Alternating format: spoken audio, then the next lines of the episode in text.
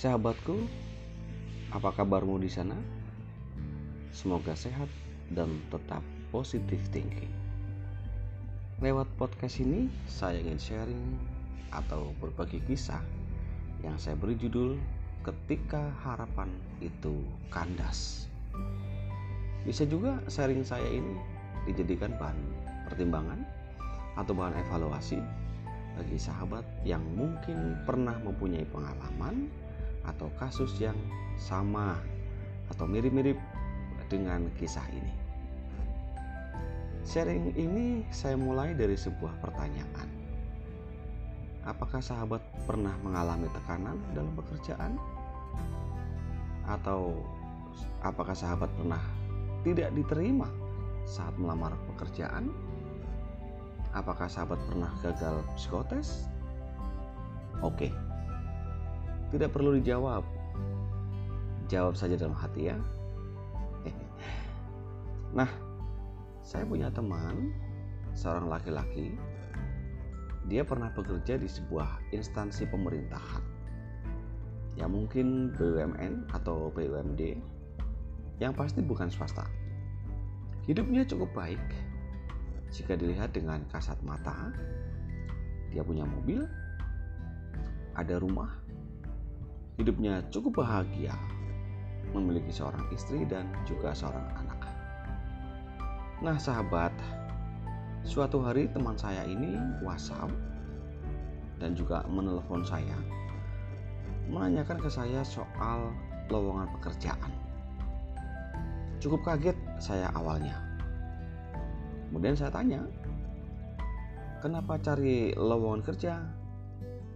Emang buat siapa?" Kemudian dia jawab, buat saya kok om. Lah, bukannya kamu sudah bekerja? Kemudian ia menjawab, pekerjaan itu tidak sesuai dengan harapan saya. Hmm, oke. Okay. Kemudian saya bilang, sabar dulu lah om. Jika ada masalah, kan bisa dicari solusinya. Belum tentu di luar itu lebih baik daripada pekerjaanmu sekarang. Itu kata-kata terakhir yang saya sampaikan kepada dia. Nah, dua tiga bulan kemudian saya cukup kaget lagi karena dia menghubungi saya kembali sambil mengabari bahwa kalau dia telah bekerja di tempat yang baru di tempat sebuah bank Wow, saya ucapkan selamat deh atas pekerjaanmu yang baru. Semoga harapanmu dapat tercapai. Anyway, kurang lebih satu bulan, saya mendengar dari kisah teman-teman saya mengatakan bahwa satu kenyataan pahit telah diterima oleh kawan saya ini. Ada satu kesalahan berat yang telah dilakukannya dalam menjalankan tugasnya, sehingga kawan saya itu harus di PHK dan keluar dari pekerjaan yang baru itu. Harapan baru yang terbangun dari pekerjaan baru ini pupuslah sudah. Dan finally, kemudian beliau menjumpai saya dan menitipkan sebuah surat lamaran kepada saya untuk bekerja di perusahaan di mana saya bekerja saat ini. Dengan penuh sukacita, dengan tangan terbuka pun saya membantu dengan harapan agar dia memiliki pekerjaan kembali untuk membantu membangun kembali perekonomian keluarganya.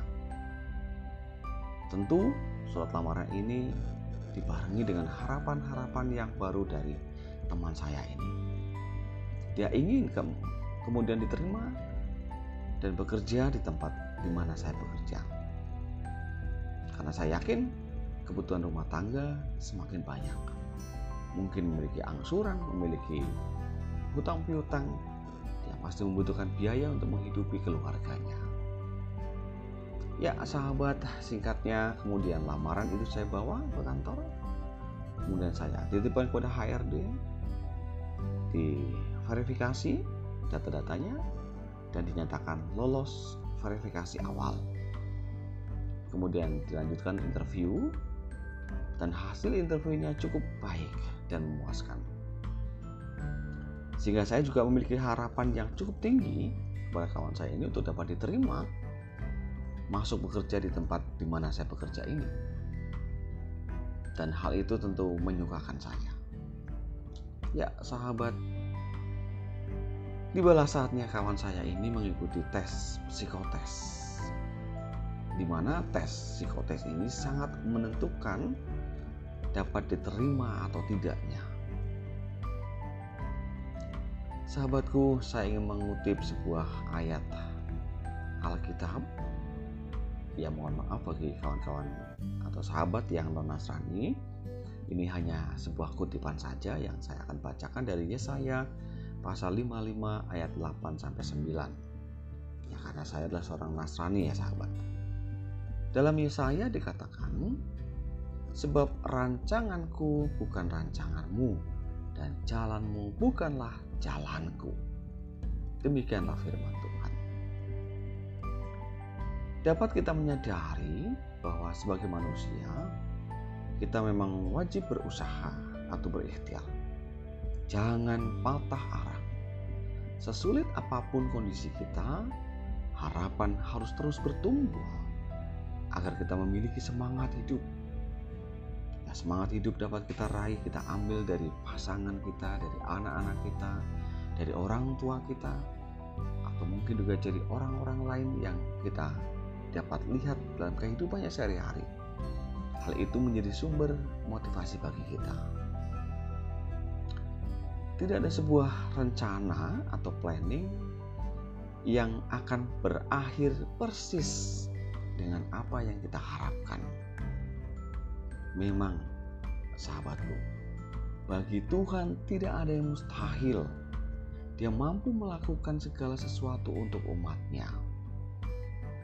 Namun, Tuhan memiliki rancangan yang terbaik untuk umatnya. Sahabat, tahukah kalian apa hasil psikotes teman saya tadi? Hasilnya adalah nihil alias dengan sangat menyesal saya harus mengatakan ia tidak lulus tes psikotes. Saya pun ikut bersedih. Bagaimana kemudian perasaan dia? Saya tidak berani untuk mengabari hasil tes ini. Sahabat, harapan saya pun kandas Maksud hati tentu saya ingin membantu kawan saya ini. Tapi bagaimana hasil tes berkata lain? Kemudian saya menjumpai kawan saya ini. Saya memuatkan hati dia. Kemudian dia mulai berpikir, mengapa begitu sulit mencari pekerjaan? Bukankah saya telah melakukan segala sesuatu? Dia berkata demikian. Saya memberikan semangat kepada kawan saya. Kawan, tetap semangat. Teruslah berusaha. Yakinlah Tuhan itu maha baik. Dan jangan lupa, segera lipatkan tanganmu. Bermohonlah dengan penuh percaya. Maka kamu akan menerimanya. Tuhan memiliki rencana yang indah untuk setiap umatnya.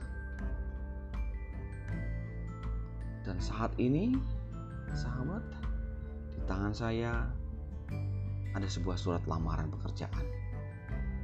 Surat lamaran yang dipenuhi dengan harapan dan doa dari hati yang sedang membutuhkan pertolongan.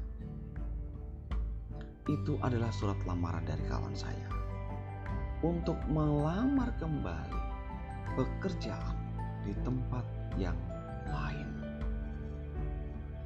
Oke, sahabat, kisah yang singkat ini, sederhana ini, semoga dapat menjadi sebuah inspirasi dan menjadi perhatian kita bahwa tidak semudah apa yang kita harapkan dalam mencari sesuatu.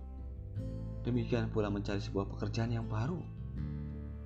Cintai pekerjaan kita saat ini yang kita miliki. Mungkin bukan yang terbaik, tapi dapat menjadi yang terbaik untuk kita berikan kepada orang-orang yang kita kasihi. Selamat dan salam positif thinking.